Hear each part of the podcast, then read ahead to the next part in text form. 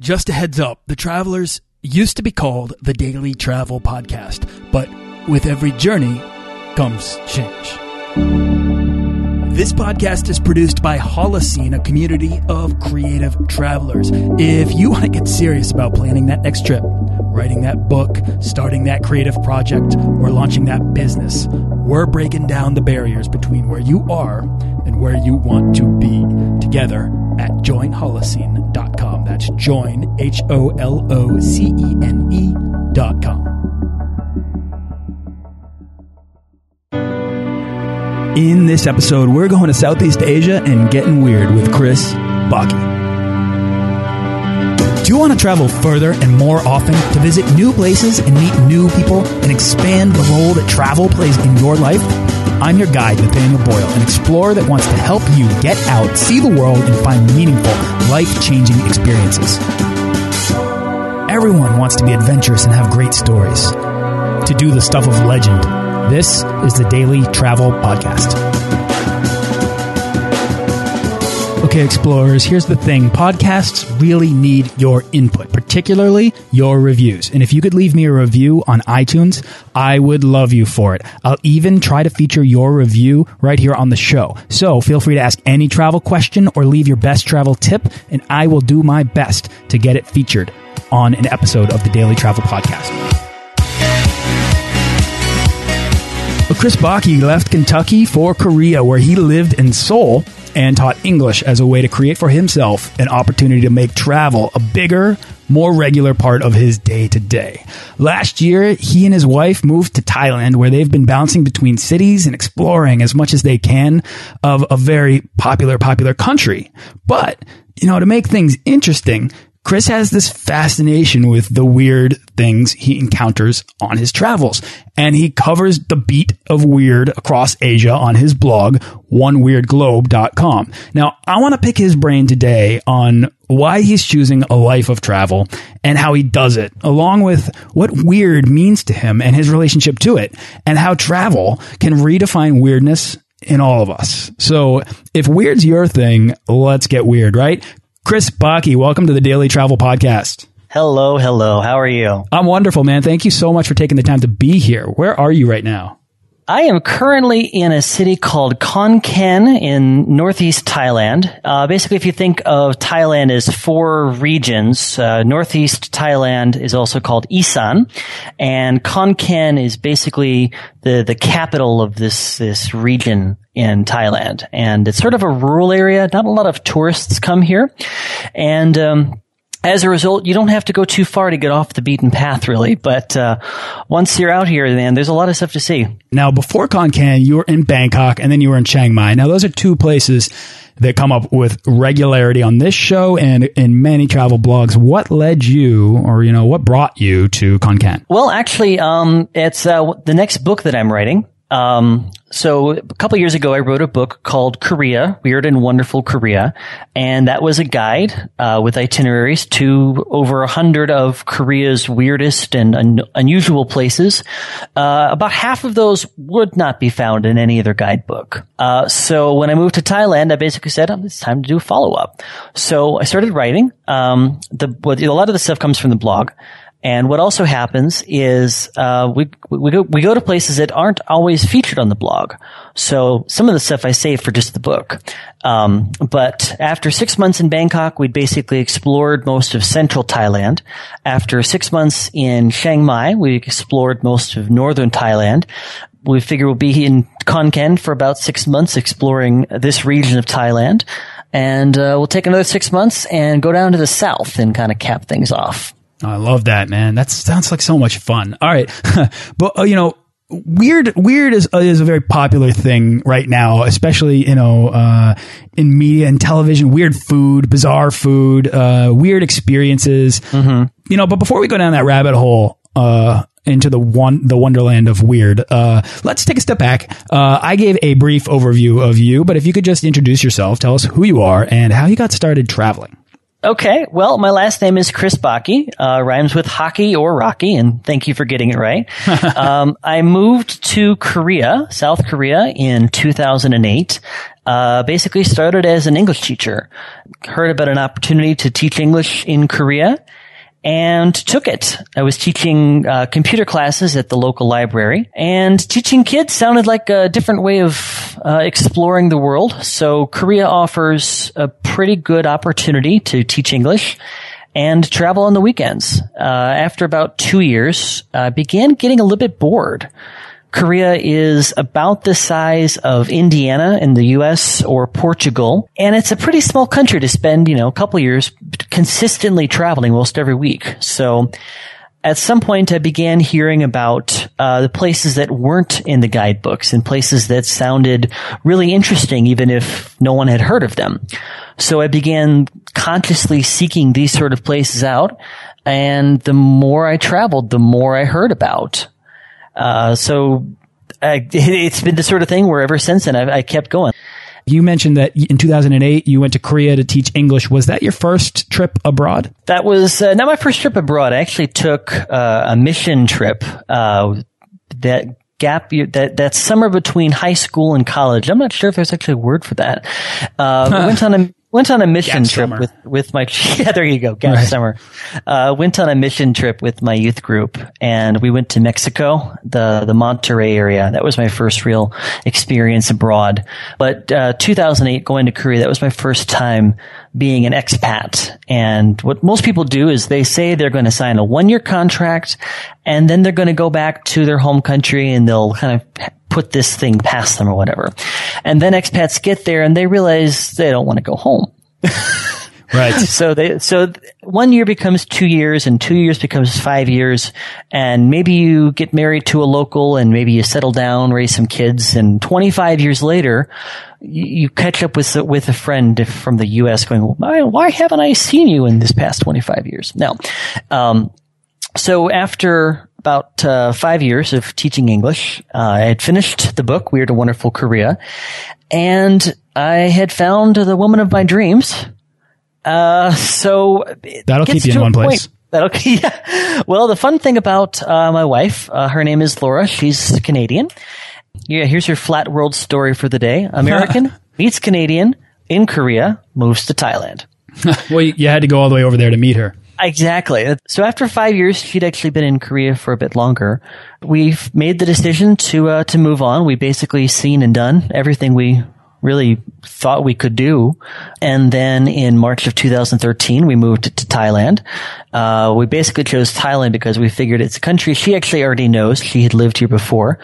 And uh, it was it was cheap. It's a great place to travel, and there's a lot of weird stuff to see. Sure. So, what inspired your desire then to go to Korea when you did? Why did you leave? Why? Who was the person that was saying, you know, I want to, I want to get beyond my borders? And then, why did you choose Korea as the destination to uh, get started becoming this world traveler? Oh man, well if I have to to, to rewind the time machine, uh, 2008, I had graduated college about four years ago. Uh, I was teaching uh, computer classes at the local library uh, part time. And after about six months, I was finally offered the full time job I was hoping for, like six months ago. And it was right around this time where I was beginning to get a little tired of having to say to 40 somethings, this is a keyboard. This is a mouse. It just the routine got a little got a little old, to be honest. So I did the the the usual job searches, and I guess I was inspired just to try something I had never thought to do. And so the choice became: do I stay at the library, work full time, teach computer classes, or be the librarian, or do I travel the world? That's a, What a that- polar opposite a choice. tough choice. Yeah. So, um, like, like uh, my boss, he's a 40 something married guy, three kids. And he was like, man, uh, if I were in your shoes, I would do the exact same thing.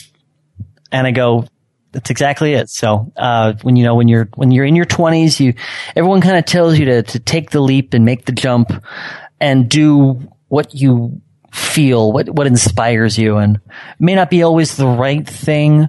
You may not always get the right job, but you got to get out there and try.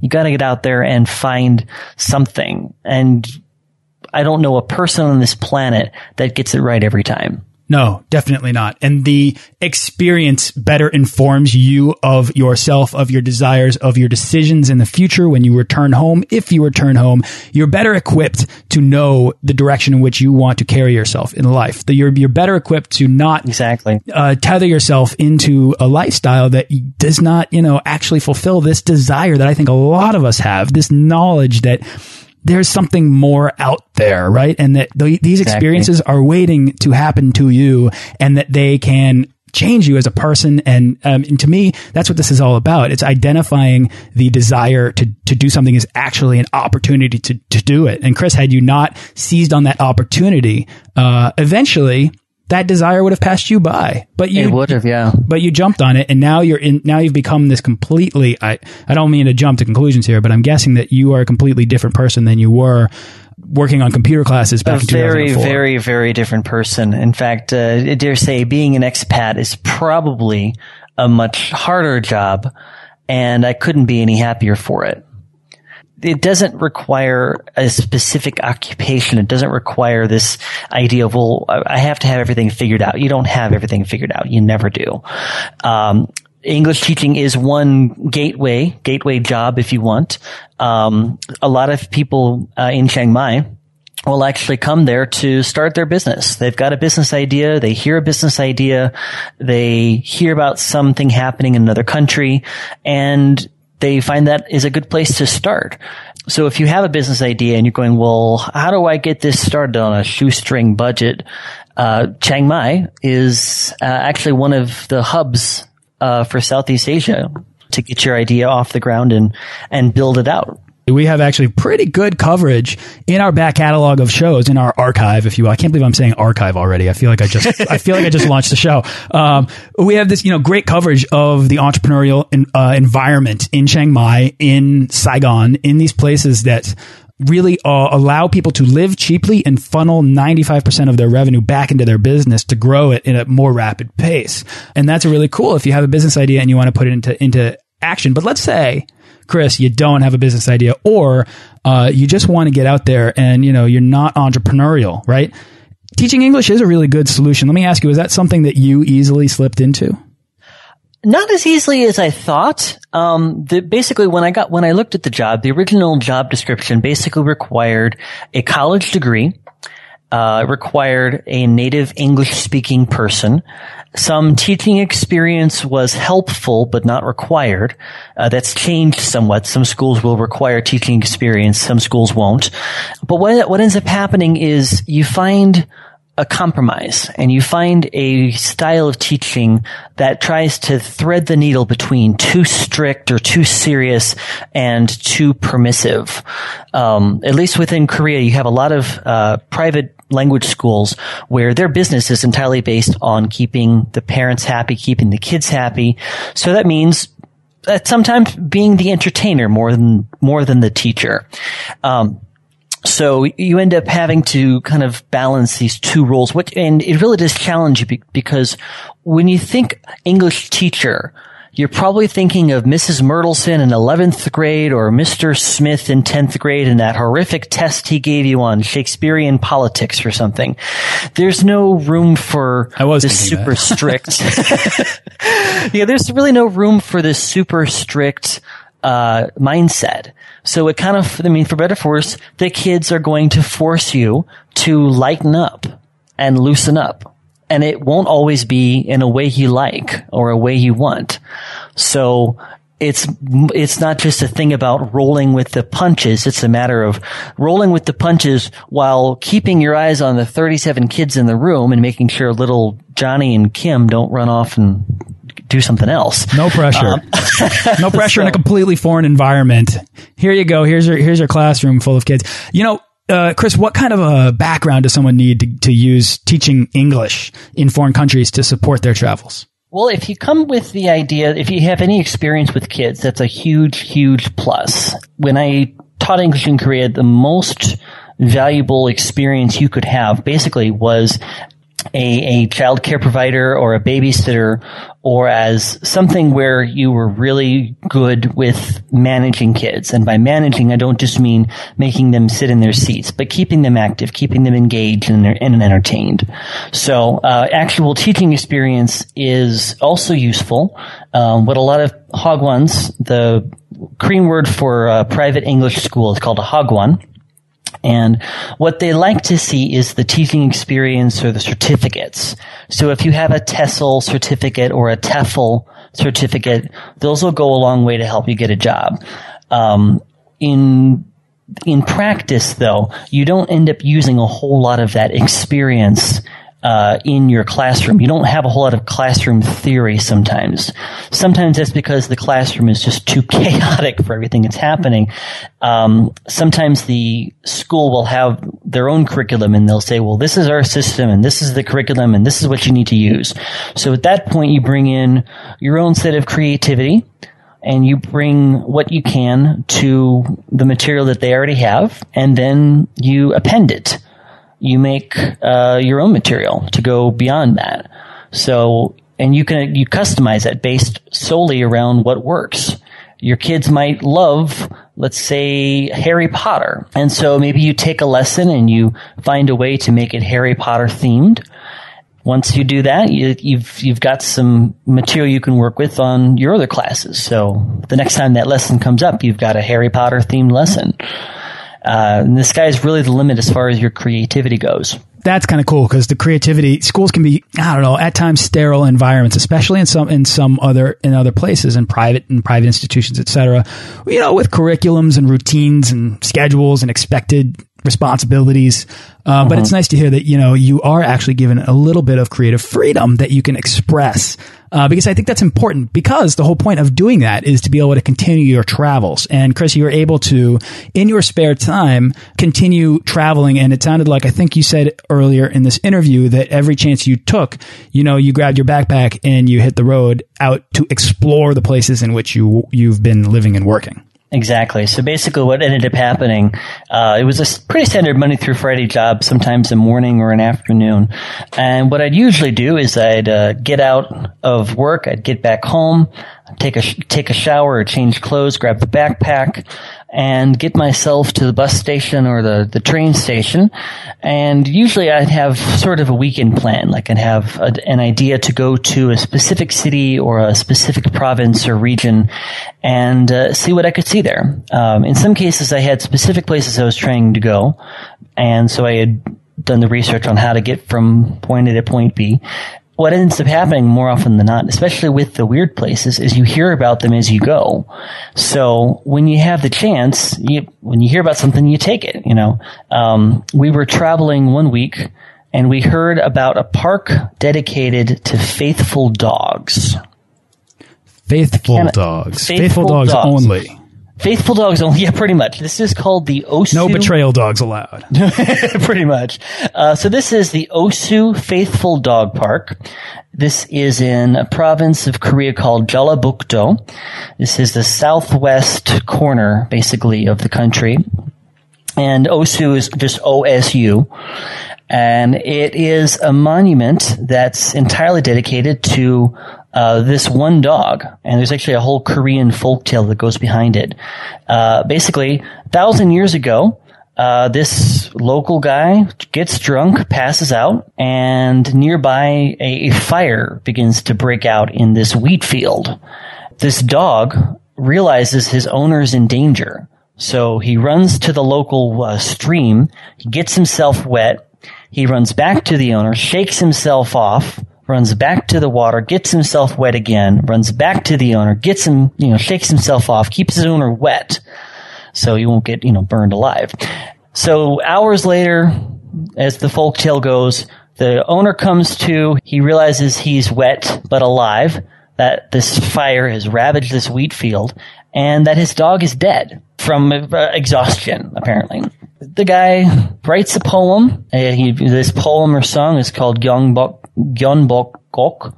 He buries buries the dog and sticks a stick in the ground right next to the dog, like a like a wooden tombstone. And again, this is the folk tale says uh, leaves come out of this stick and became a large tree. So the name Osu actually means in, at the time dog tree. So the the Osu Faithful Dog Monument in Jellicoe. Um, over time, they've they've they've uh, commemorated this one dog, but they've also brought in some of the other heroic or faithful dogs from around the world. Um, there's a story about a dog in Japan that uh, would always wait for his owner at the train station, and then one day his owner had a stroke, passed away, and the dog still kept coming to the train station all the way until the the dog died himself. Um, so I mean, this is a big this is a big deal in a country. You know, they don't have the affinity for dogs that you know, that people in the United States have. But but what's funny is that we don't have monuments dedicated towards faithful animals. Not really, no. No, on one level, it, it's it's interesting because every so often you come across a place and you go, "Why did they build that?" and then you go, "I don't care. I'm just glad they did." Yeah, yeah, exactly, exactly. Well, you know, by exploring the weird, by allowing yourself to go to these sort of offbeat festivals or monuments or celebrations, you find these strange stories that when you hear them, they allow you to ask the questions you didn't realize existed out there, right? Exactly. And that really kind of changes your, it gives you a deeper perspective on not only where you're at, but how you, how it resonates with you, how you feel about it, why you like it or don't like where you are. You know, you glean more about yourself from answering the questions you didn't realize are out there waiting for you to find. That's really the whole point of travel, right? The most rewarding travel experiences are the ones you, you, you stumble upon unexpectedly, right? So exactly that's a, that's a great example of one that has embedded itself into you for the, mm -hmm. and you can now carry around and, and share with other people for the rest of your life. Exactly. Now, now a quick pro tip: if you're if you're looking to uh, continue the weird travels for yourself, one of the most effective ways I've had of finding places has been just to stare at every map or every guide that you see along the way. Uh, basically, every a lot of train stations have the big maps. A lot of the bus stations have the big maps. Any tourism information booth has maps. Just pick up everything you can get your hands on. Um, that's actually how we found the uh, the Osu Faithful Dog Park. Um, it was listed on it was listed on one of the maps for the province, and uh, we thought, okay, that's we don't know what that is, but it sounds pretty cool. Um, in fact, uh, we use that same technique to find another place that is quite possibly one of the weirdest places we have been to. Are you ready for this? I'm bracing myself. okay. All right. So this is the umbilical cord shrine for King Sejong's children. What? Let me say that. Again. This is the umbilical cord shrine for King Sejong's children. So this so, king actually built a shrine to worship the umbilical cord of his children?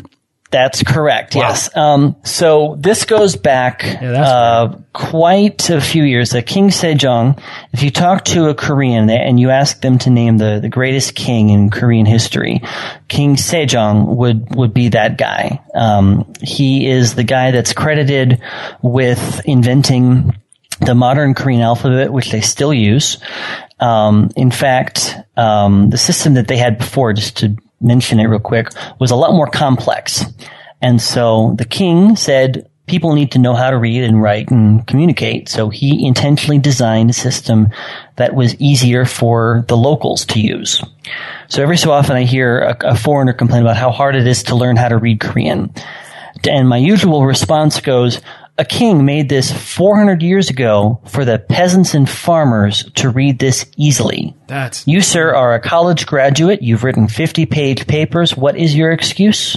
Interesting. well, that's amazing because it, that's the thing is that difficulty or challenges or these things, especially the weird, uh, is is very subjective to your experience. And if travel can change you, Chris, then the weird things in the world can certainly help expand your horizons and redefine what it is that is weird to you. Uh, you might not ever get over an umbilical cord shrine. Um, I'm just going to throw that out there. That might effectively be the, one of the weirdest things I've ever heard of. But Chris, you know, like you cover the beat of weird across Asia that you find in your travels. So my question then is, if weird is subjective, what does weird mean to you? it's a good question. Um, weird to me it can be a lot of things. I'm asking um, this because you know you have these these weird experiences. You're surrounding yourself. You're writing them. You're sharing them. You're writing. You're putting them in books. After a while, what might have been weird to you when you were a computer teacher in Kentucky is not going to be the same as the more nomadic Thailand version of yourself. Yeah, yeah, it, that's actually something that's come up recently. We were at uh, a hell temple in uh, northeast Thailand. A hell temple is basically a Buddhist temple that has a, a place that's called a hell temple or a hell garden.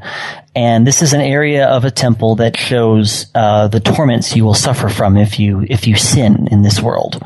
Um, Lovely. So yeah, yeah, it, they're actually they're actually pretty cool. Cool. Um, and then and they're all a little bit different. We've been to a half dozen of them, and we were looking at uh, one of the places we're going to go, hopefully in the next few months. And I actually caught myself saying, "Oh, it's just another hell temple." I've I've been to half a dozen of these things. Right. I know exactly what to expect, so it's not really as weird as it used to be. Yeah. But to someone reading it for the first time, they're going to go holy crap, this is freaking awesome. Or yeah. So how do you find how do you define weird now, or is it just a feeling or a reaction to the the the new strange? Well, the new strange is a lot is very similar to the old strange, and I try to sort of reset the brain where I possibly can, uh, partially to keep the idea of what is weird sort of fresh. Um, weird is a vivid story the the history to a place. Uh, weird can be combinations that don't seem to make a lot of sense. Uh, a good example uh, in Korea, there is a temple where you can learn martial arts from Buddhist monks, and you go, Buddhist monks are peaceful and tranquil. they meditate. You know, that, and, and that's your perception. And then you come across right. this place that challenges that perception. Um, so, and it goes back to the history. You know, uh, the the monks helped to fight against uh, Japanese invasions in the in the 16th century. Um, so stuff like stuff where there's sort of this mental um, chasm that doesn't seem to make a lot of sense. Mm-hmm. Uh, places where something weird is made. Um, maybe it's uh, a, an exotic kind of alcohol.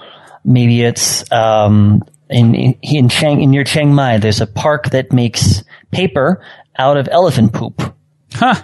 I cannot make this up. They actually do make paper from the fibers. That's resourceful. Yeah. Uh, yeah, I, I, it was the sort of thing. The first time you hear, it, you go, "How and why did you look at elephant poop and go, I can make paper out of that?" I do not know. That's a lot of the normal things in day to day life uh, make you wonder how anyone ever got started uh, eating, much. drinking, trying, practicing. Um, you know, I think it's really cool. Once you have the weirdest thing you've ever experienced, you, you know, you want more, right? You want, you're kind of put yourself on this quest to find something even weirder, you know, and that can Pretty be much, yeah. for, for maybe for most people, the most relatable thing is food. It's like, how far are you willing to get outside of your comfort zone, trying weird food? And then once you have that weird thing, you know, how much further are you willing to go? Uh, and so I think it's interesting that you're saying it's not just the foreign, but it might also be the unexpected. And the unexpected um, could be just a um, you know a a different. Uh, in terms of food, it could be an unexpected combination of normal ingredients. It could just be that salt goes really well on cantaloupe. Fact, mm -hmm. it actually does. But that is something that people are like, "Whoa, that's really weird," right? Yeah. But, so yeah, so I think it's really interesting. You're kind of organizing it in my head here, categorizing it under the foreign or the unexpected. And I, I love that. And so you're able to kind of reset the mechanism so that you can bring the foreign, which you're immersed in and has probably earned a degree of normality to you in your day to day, but also you're still confronted with the unexpected regularly. And that yeah. probably makes you just go, huh, really interesting. Yeah, the the thing about I, I, guess on one level, after it's been six years now, a little over six years that I've been uh, traveling across Asia, and a little over four where I've consciously been looking for the the, the weird stuff around the world. Um, on one level, even if you've been to a half a dozen hell temples, there's something about the seventh one that will be different, that will be unique even if you've been to a dozen uh, places where they've buried, you know, uh, placentas and umbilical cords, there's going to be something different and unique about each one. And so you can look at a place and go, well, this is just like all the other places I've been to like it. Or you can go, it has some similarities, and these these are some ways in which it's different. You know, like like so many things in life, it ends up being a matter of attitude. How do you look at things? Exactly, Chris. I mean, if you can take the mindset of an of an explorer into everything that you do, you can start to begin to appreciate the subtle nuances and idiosyncrasies of everyday life, or weird encounters, right? It, it, it, really like if you want to go out and you want to practice this, you want to practice appreciating the things in life, go out and yes, be like Chris and go to a dozen hell temples, come home and say, you know what, I got kind of tired of it, but I was able to kind of appreciate the aesthetic differences between some of these places. And then all of a sudden you're able to start to uh, appreciate the aesthetic differences of the places that your, you know, hometown has or the flavor differences in the different coffees or beers or whatever it is that you like to drink or or eat or yeah. do, you know? Now, now also note for, for some of you, you might be going, well, this, all this high level stuff is great, but I, I, need some, I need another reason to go to, to seek out the weird places. Here's one of my favorite things to do as far as weird places go. You get some fun pictures you take you get some fun stories that no one else or very few other people going to that country or that area you're going to have a story and or a photo that no one else has. So just from a purely selfish point of view if you want to have a fun story to tell someone at the water cooler or next time you're talking with a friend on facebook you'd be like yeah oh yeah last weekend i went to the uh, the temple where they have the placenta jars and they're like wait what Right. And you have a, you got this crazy story to tell. Maybe it's a first date story. Maybe it's uh, you guys won't believe what I did last weekend type story, mm-hmm. or anywhere else you tell stories. Um, or maybe Chris so, to relate this back to the high level stuff that because this show's all high level, man. Come on, yeah. um, is that that story? That story is the story that you take home and you share for the rest of your life. And these are the exactly. things that you carry around with you that make you a more interesting, adventurous person. That make you want to have more and find more stories. And that to me is effectively you're building your personal legend. Chris, you're out there in Thailand living this kind of uh, this lifestyle that a lot of people kind of are very curious about, and you have all of these stories every day, and you'll be able to now share these stories as your legend, as the legend of Chris Backe, you know, that, that to me is really, it's really inspiring stuff. And it's, I know it's kind of, it, maybe it's abstract, maybe it's high level, but it's also, it's also really important. I think that we can have, we can have these things if we want them. They're out there waiting for us. And if we embrace the weird, the rewards are going to be greater. Chris, is there anything else that you'd like to share before we wrap up? I'm actually starting a new thing. It's called the Wanderlust Box. And what this is, this is going to be a like a monthly subscription box. It comes every two months. Fun. Yep. It's uh, fifty bucks. And what you get is a bunch of stuff that's sort of centered around a theme. The first one is going to be about Thailand. Uh, the second one will be entirely based on your feedback. Last w- couple weekends ago, I went to the Phi Ta Khon Festival. Uh, this is actually uh, up on, up on the blog. If you look for uh, on One Weird Globe. It's one of the recent posts. Um, but this is this is basically like a body rainmaking festival with a Buddhist twist. And so, um, you know, you've got these ghosts that are walking around and they've got these big phallic symbols and it's a, it's a, it's a crazy weird sort of place. You can, there's all sorts of souvenirs you can pick up there, but only if you go. So what I want to do is bring some of these awesome stories and souvenirs and I want to deliver them to your doorstep. I love that. So, So- if you can encapsulate kind of an area, a specific event, a specific region, and you can uh, distill that that experience into a box and kind of create effectively like a travel guide within your box, right? That to me much. is that would be kind of fun, man. Because then I think personally, I love to go to places and explore like the cultural topography of these places from the things that are being made by the people there. To me. That's an honest expression of any given place. So, um, so cool, man. Wanderlust box. I like it. Thanks. Best place to start if you're looking for this, if you go to is.goodgd slash wanderlust box. That'll be the best place to get started with that. You can also look on my blog, One Weird Globe, uh, for the uncompressed version of that, and you'll find it there as well. Yeah, well, uh, aside from those two places that you just listed, and we'll list all of this in the show notes because most of you are probably on the go. Um, where can people go to find out more about you, Chris? I'm on Facebook, I'm on Twitter, I've got a Pinterest and an Instagram, and I'm also uh, playing around with video right now. Uh, with some of the places, there's a chance to get some fun action shots or whatever, so I'll take the GoPro out and uh, get some fun videos. So look on YouTube for One Weird Globe, and uh, yeah, Fun, Chris. Yeah, man. If anybody out there is listening and they're thinking, "Yeah, how do I get how do I get out there and how do I get weird?" You know, travel helps you not only um, it helps you live weird. Is kind of where I'm going with this. And, Yeah. and you know, and it helps you become comfortable with the weirdness of life, with the weirdness of the self. We all have weird inside of ourselves, and uh, it's just better to sort of embrace it and learn from it and, and let it shine because that makes you a lot more interesting.